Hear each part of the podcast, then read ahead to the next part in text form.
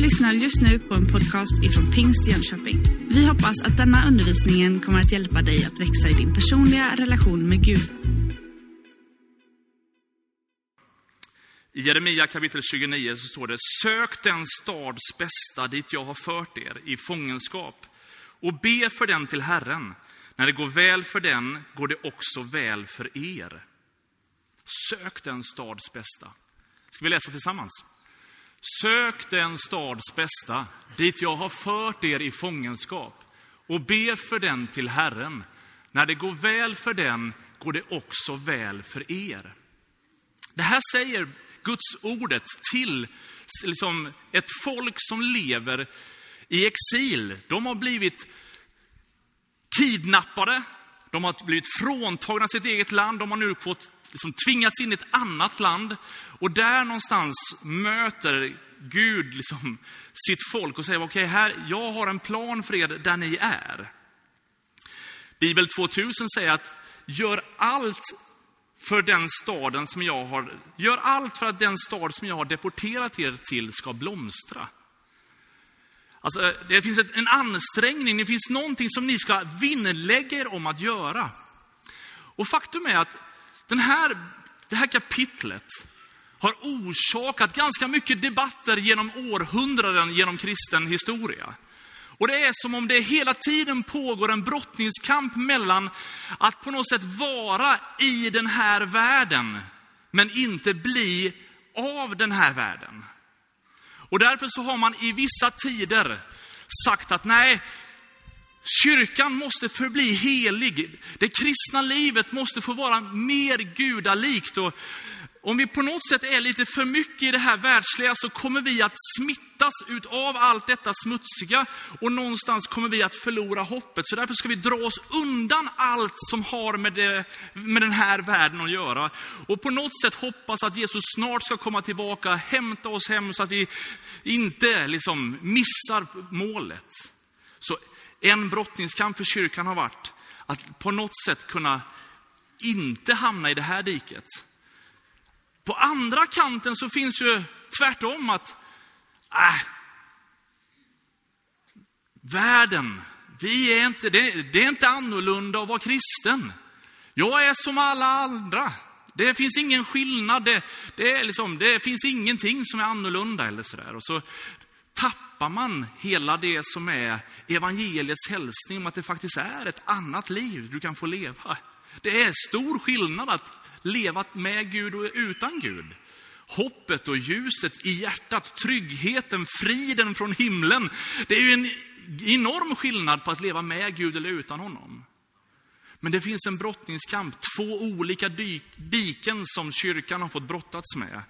Hur ska jag kunna stå emot detta?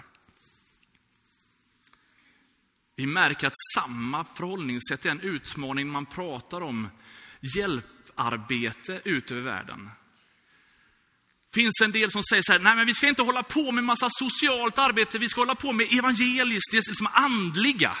Det är liksom att vara med och bygga kyrkor och liksom tala om Jesus. Och så blir det någon slags motsatsförhållande till att bygga sjukhus och ge mat till en hungrige. När vi separerar saker, när det blir antingen eller, så går vi rakt i fällan. Jesus han ger medicinen i sin egen bön i Johannes evangeliet kapitel 17. Där säger Jesus så här i sin bön, jag ber inte att du ska ta dem ut ur världen, utan att du ska bevara dem från det onda. När vi talar om att vi ska älska den här staden så pratar vi inte i första hand om det nya Munksjötornet eller åh vad fin liksom, bron är över Munksjön eller den fina Vätterstranden. Även om den här staden är lätt att älska för den är vacker även i sin arkitektur på många sätt. Men det är inte det som är själva grejen utan det är människorna som bor här som är huvudpoängen. Det är du och jag, det är våra grannar, våra arbetskamrater, det är de som vi inte känner men som handlar i samma mataffär. Det är människor som bor i andra kvarter. Guds ögon är på folket. Och han vill inte att vi ska dra oss undan och gömma oss och isolera oss och säga att ja, men vi firar gudstjänst bara för vår egen skull, vi som redan tror på Gud. Och, nej, han vill att vi ska i den här världen inbjuda fler att vara med. För några veckor sedan så talade vi om att ta första steget. Att våga kliva ut i det okända och våga göra någonting oväntat. Och kanske stretcha lite grann av bekvämlighetszonen och ta ett steg närmare andra människor. Ja, jag önskar att mitt liv skulle få präglas mer utav Jesu förhållningssätt. Av att i den här världen få vara salt och ljus. Han ber till och med bönen, Fader vår, ske din vilja så som i himlen, så och på jorden. Jag är förväntansfull på den dagen då vi ska få komma till himlen.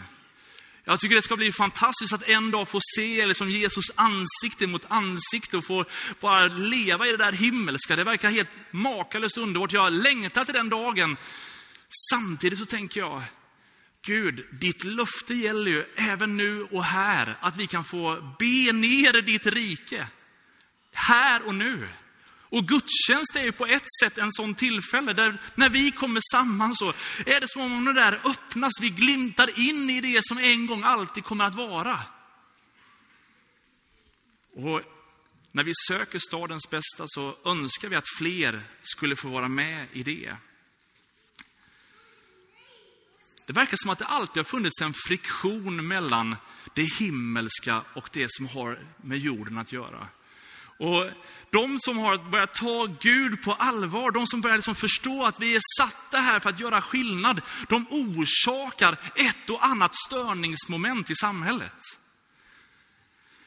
Du vet när, när väckelsen gick fram, när människor började komma till tro i apostlärningarna, så var det ju starka under som skedde och tusentals människor kom till tro.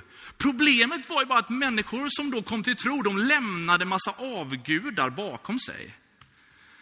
Alla sådana här påhittade figurer som silversmeder och andra hade liksom gjort i ordning för att man skulle offra och be till dem. Nu köpte man inte längre de avgudabilderna. Och liksom industrin kring avguderiet håller på att förlora intäkter så det blev upplopp i staden. För att någonstans bara, nu är det ingen som offrar till de här gudarna längre som vi har vår försörjning kring. Och så blir det lite turbulent. Man kan väl milt sagt säga att Martin Luther King var en av dem som också skapade viss turbulens. Det tog ett tag innan historien på något sätt skrev honom som hjälte. I början så upplevdes han av det amerikanska etablissemanget mest som i vägen. Men han hade upptäckt att Gud har gjort någonting i hans liv. Och när han läser Bibeln så beskriver Gud staden och gemenskapen i staden på ett annat sätt. Och därför så vågar han ta olika steg. Moder Teresa hon gjorde fantastiska insatser för de fattiga. Men det var inte i början som hon blev erkänd av sitt liv. Du vet, ganska många till och med utav hennes präster och biskopar försökte få henne att sluta göra det som hon gjorde. En del som inte riktigt accepterade hennes sätt. Jag skulle önska att du förstår det revolutionerande när vi börjar ta till oss det här kapitlet på allvar och börjar förstå att du och jag kan få göra skillnad för den här världen. Du och jag kan påverka och genomsyra och faktiskt förvandla. I vår visionsformulering som kyrka så talar vi om vår egen stad. Vi säger att vi vill vara en växande gemenskap av människor som finner livet med Jesus och växer i tro på honom. Vi vill ge människor hopp och vara en kyrka som i kärlek är med och gör Jönköping och världen till en bättre plats. När, när vi har bett för framtiden som ledarskap och i olika böneveckor som församlingar och folk har fått sätta olika lappar på olika ställen så man har fått måla böneämnen eller saker man upplever att Gud säger så är det så tydligt hur Gud har lagt ner någonting i oss att göra någonting för andra. Betyda och göra skillnad för människor. Ingen kunde väl tro när vi började skriva och formulera de här sakerna, att det skulle så påtagligt innebära en samhällsförändring som hela den flyktingsituation som Sverige har gått igenom och går igenom har utmanat samhället med. Och jag möter regelbundet människor som undrar hur ska man kunna lösa detta? Men som Katrin sa, som kommer till vår kyrka och känner bara, vad gör ni här? För här verkar det vara annorlunda. Och vi tittar på varandra och tänker bara, ja, vi, vad gör vi? Människor som öppnar sitt hjärta. Människor som ger utav sin tid. Volontärer i Café hela världen eller som håller på med språkcaféer. Människor som öppnar upp sin smågrupp som säger bara, jag vill vara med och göra skillnad för den här staden. Vi söker den här stadens bästa. Vi vill göra Jönköping till en bättre plats. Den är bra redan, men vi vill fortsätta att göra den bättre. Jag läste en forskning det var en, en kvinna, hon jobbar med UMU, ett stort kristet nätverk som tränar unga människor för tjänst i Guds rike bland annat. Och hon hade rest runt i stora delar av världen och kom hem till Amerika där hon bor och så satte hon på tvn. Och så var det ett intressant program på tvn som sa så här att vilken religion är den bästa? Om man på något sätt lever efter dess värderingar. Det var ett vanligt profant program. Och så gjorde de en genomgång av alla eh, världens religioner och konstaterade att om alla levde ett kristet liv efter de kristna idealen, det skulle vara en fantastisk plats, var deras slutsats. Och då kom nästa del av programmet som var att, okej, okay, vilka städer i USA är de mest kristna? För då borde ju de städerna vara de bästa städerna. Och så försökte man definiera, hur kan man mäta det? Och så tänkte man att ja, men där många går till kyrkan och sådär, så skulle procenten vara hög så skulle det vara en mer kristen stad och sådär.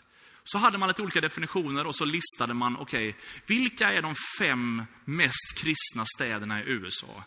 Och så började man titta på statistiken, hur ser det ut i de städerna? Det chockerande var att de städerna var de sämsta. Och hon sitter där och tittar på det här programmet och tänker bara, hur är det här möjligt? Det måste vara fel i det här programmet.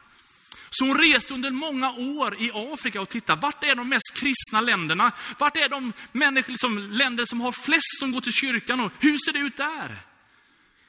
Och till hennes förtvivlan så såg hon att korruptionen, utbildningsnivån, hälsonivån var inte alls bra i de länder som man skulle tro var det. Så börjar hon studera lite närmare och så märker hon att i de sammanhang där den kristna tron bara är på ytan, där det bara blir ett mönster, jag går dit på söndagen, men det inte får fånga mitt liv. Det blir inget liksom lärjungaskap, utan bara en etikett som jag på något sätt har lite med mig. När jag börjar separera mitt liv och säga att jag är kristen på söndagar några minuter, men det har ingenting med resten av mitt liv att göra, så tappar hela evangeliet sin kraft. Och jag har känt en sån bön i mitt eget liv. Gud, låt det få vara annorlunda i mig. Att det får vara liksom verkligen så som du beskriver det Gud, att vi söker stadens bästa och hela mitt liv får andas dig. Det vore ju tragiskt fall sekulära människor kan konstatera att den kristna tron är den bästa att leva efter. Men om jag som kristen inte är ett exempel att följa. Och när jag läste det där så utmanades jag. Gud, låt mig få leva ett liv som gör skillnad och som är helt och trovärdigt. Det här bibelordet säger sök stadens bästa.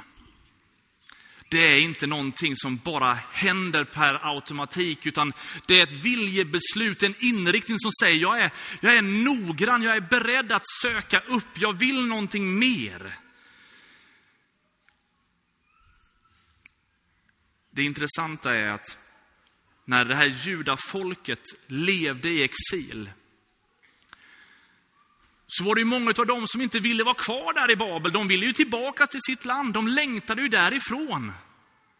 Så de på något sätt hade massa människor som trädde fram och sa bara liksom, men vi gör så lite som möjligt. Vi är så passiva som det bara går. Vi är liksom, här, här ska vi inte bidra med någonting. Vi väntar ju tills vi ska komma tillbaka till vårt eget land. Det är ju där vi ska bidra. Och du och jag kan ju längta så mycket till himlen så att vi på något sätt bara väntar på att det ska hända. Det här bibelordet säger bara, nej, du ska inte förhålla dig på det sättet. Vänta på himlen med glädje, hälsa det med fröjd, men på vägen dit så har vi ett uppenbart uppdrag att söka den här stadens bästa. Att göra allt vad vi kan för att det här ska bli annorlunda. Följ med mig till Matteus evangeliet kapitel 9, så ska vi läsa några verser om du har din bibel med dig. Matteus kapitel 9 från vers 35, ska vi se hur Jesus gjorde detta. Och jag skulle önska att den här texten som vi nu ska läsa, att det skulle få bli liksom likhetstecken med mitt liv, med ditt liv. Och när människor tänker på oss som kyrka, att det här skulle få prägla oss. Jesus gick omkring i alla städer och byar och han undervisade i deras synagogor och predikade evangeliet om riket och botade alla slags sjukdomar och krämpor. När han såg folkskarorna förbarmade han sig över dem eftersom de var rivna och slagna som får utan hede. Han sa till sina lärjungar, skörden är stor, men arbetarna är få. Be därför skördens herre att han sänder ut arbetare till sin skörd. Att söka är att se. Och frågan är vad du och jag ser. Vi lever ju i en tid med mobiltelefoner och nu så har ju ni era mobiltelefoner och jag tänker att ni bara är på bibelappar nu eller anteckningslappar. Det är ju ingen här som sitter och gör någonting annat med sin mobiltelefon mitt under gudstjänsten. Men du vet, det är väldigt lätt hänt att vi har fokus på telefonen. Vi har en gammal bil som totalt håller på att havererar. Eh, det är ingen idé att be för den längre, den kommer dö nu. Eh, men det innebär att jag får återupptäcka det här med kollektivtrafiken. Det är inte, det är inte världens enklaste liksom i familjetaxirörelsen att åka buss. Men det funkar några veckor, det är ett spännande experiment. Det intressanta är, när man går in och är lite observant, hur otroligt i vår egen värld alla är. Spelar ingen roll Ja, idag var jag faktiskt ensam på bussen hela vägen hit. Eh, man får inte prata med busschauffören, så jag, liksom, jag satt ju där i min ensamhet. Men häromdagen så var det ju många på bussen, men ingen pratade med varandra. Alla tittade ner i sin egen skärm. Man pratar om barn som växer upp med sina föräldrar. Och föräldrarna är så, vi är så noga med att fånga bilder och lägga upp på Instagram när våra barn gör någonting så att vi på något sätt inte riktigt tittar på dem. Och jag känner bara så här, Gud, hjälp mig att lyfta blicken typ två, tre decimeter liksom, från det här läget till det här läget. Att inte vara så upptagen i min egen värld så att jag missar människor som är runt omkring mig. Det fascinerande med Jesus det var att han såg människorna. Men vi lever så isolerat, vi tittar bara på saker som vi vill se. Och kanske missar allt det där runt omkring oss. Och jag känner en sån helig längtan. Gud, hjälp mig att släppa mobiltelefonen.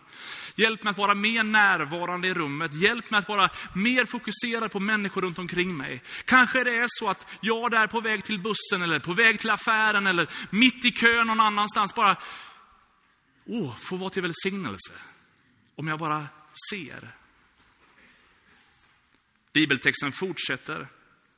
Att han inte bara såg, att han inte bara är en seende Gud, utan det han såg ville han göra någonting åt. Han förbarmade sig över dem. Väldigt vackert uttryck. Att vara med och ge utav sig själv och bara säga, okej, okay, här är jag. Det är inte bara det att jag skickar dig en slant, lycka till. Utan med hela mitt väsen vill jag göra någonting för dig. Jag tror att de mest effektiva botemedlet mot all den psykisk ohälsa som nu brer ut sig som en löpel i vårt land. Det är inte pengar till mer mediciner, utan det är någon som ser.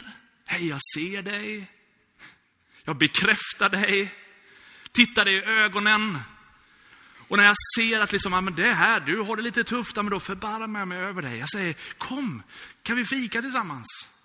Vill du sitta i mitt vardagsrum? Ska vi käka middag ihop? Ska vi, vad det nu än är.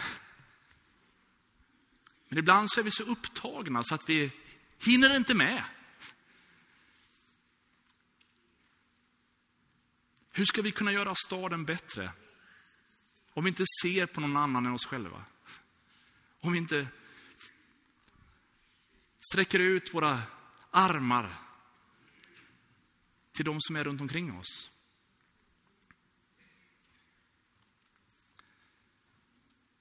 Det står i texten att de var som slagna, rivna, som får utan herde. Han såg mer än det som var på ytan. Är du med?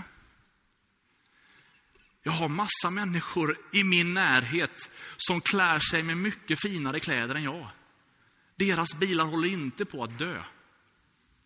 Men när jag pratar med dem så förstår jag att det är inte liksom vad ögonen ser som händer just nu, utan det finns massa andra saker som pågår.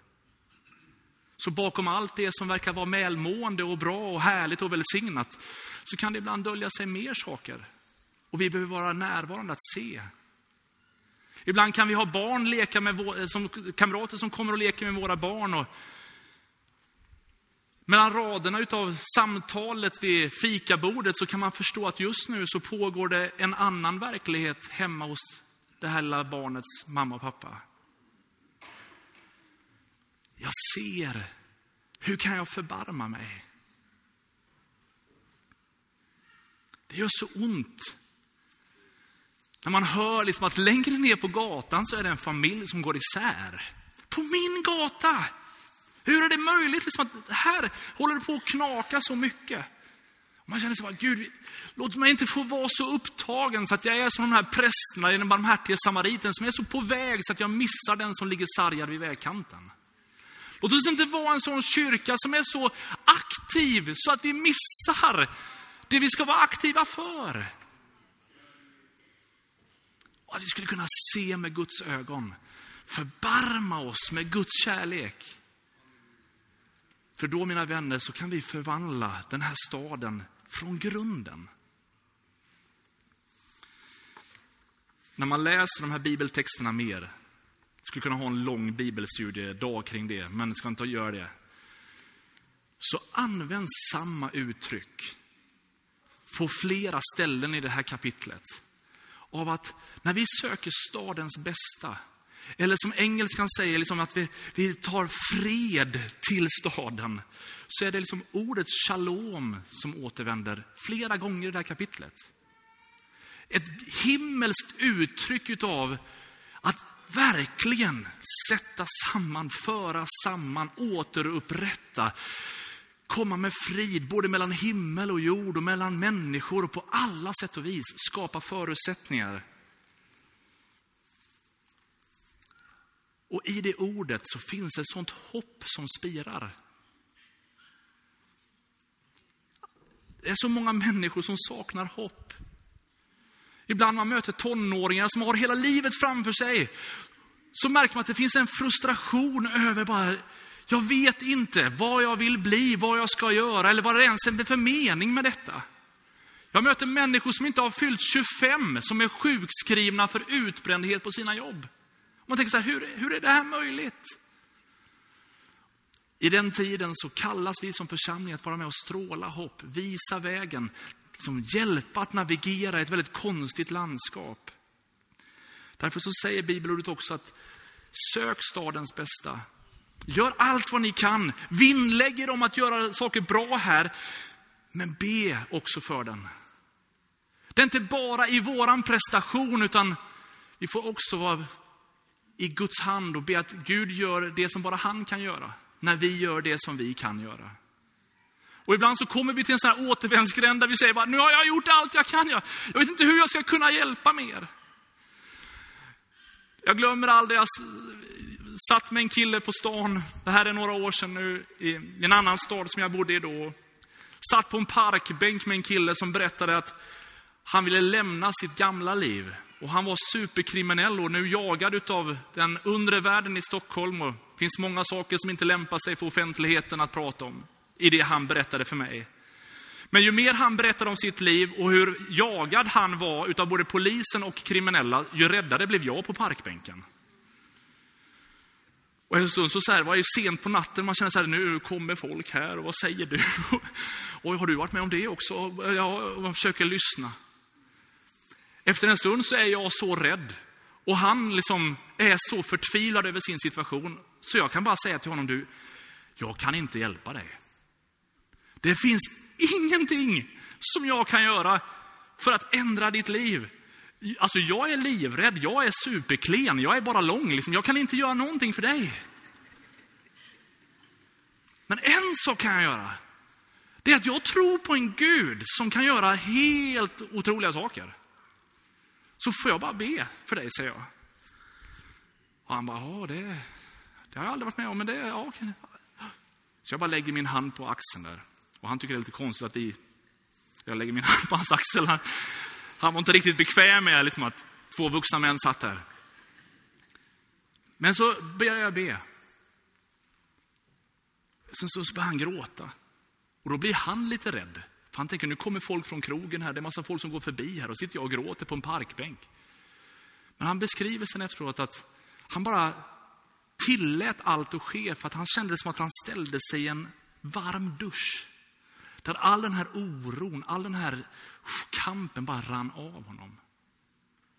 Jag upplevde ingenting. Alltså det var ingen så här mag, blixtar och dunder, magiska underupplevelse. upplevelse det var inte någon slags sån här divine moment, man bara kände att Gud det var så starkt närvarande. Han upplevde det. För mig, jag var mest rädd för att det skulle hända. Alltså, analysera inte din egen känsla för mycket. Gå på det som du har. Ge det som du har. Sträck dig lite längre. Våga göra lite mer. Och tro på Gud att han gör det som bara han kan göra. Vi söker stadens bästa genom att ge det bästa vi har. Och vi ber för den. Och så får vi tro Gud att han gör stora saker. I första Timoteusbrevet 2 så uppmanas vi att först av allt be, åkalla, förbön och tacksägelse för alla människor, för kungar och alla i ledande ställning, så att vi kan leva ett lugnt och stilla liv, på allt sätt gudfruktigt och värdigt. Just nu i Jönköping så har vi ett politiskt dilemma, milt sagt. Jag ska akta mig för att använda för starka ord när jag liksom talar på plattformen om politik, men det är inte riktigt så som vi önskar det skulle vara. Man har svårt att komma sams och hitta en bra väg för vår stad. Och det kan finnas många orsaker till detta. Det vi behöver göra nu det är att vi behöver be för Jönköping. Be för våra politiker. Istället för att skälla på dem, skriva insändare och göra livet ännu svårare för dem, så behöver vi som kyrka säga att vi är här för er skull. Vi förstår att det är tufft att leda. och Vi vill bara be för er att ni ska få fatta kloka beslut, rättfärdiga beslut. Vi vill göra staden bättre, inte genom att skälla på den, utan vara med och be för den. Och göra vad vi kan för att den ska bli bättre. Jag är tacksam för att det här temat har flera delar. För det innebär att vi de kommande söndagarna kommer lägga fler pusselbitar. Men Gud är tydlig i sin hälsning till oss. Det är att så länge som vi går på den här planeten så vill han inte bara komma och beröra oss. Utan han vill att du och jag ska få vara med och vara till välsignelse för människor som vi har runt omkring oss. Vi ska inte drabbas av någon passivitet som på något sätt försöker kapsla in det kristna livet till att bara liksom gälla söndagar. Eller bara gälla den här tiden. Eller det är liksom, jag är bara kristen här när jag är med mina kristna kompisar. Eller jag försöker skärma mig så att jag har inga andra vänner. Nej, vi ska ha så många vänner vi bara kan. Vi ska sträcka ut våra händer så mycket vi bara kan. Du ska inte dra dig undan från Jönköping. Vi ska älska den mer, vi ska famna den mer. Och likt Jesus se människor i ögonen. Ställa frågor.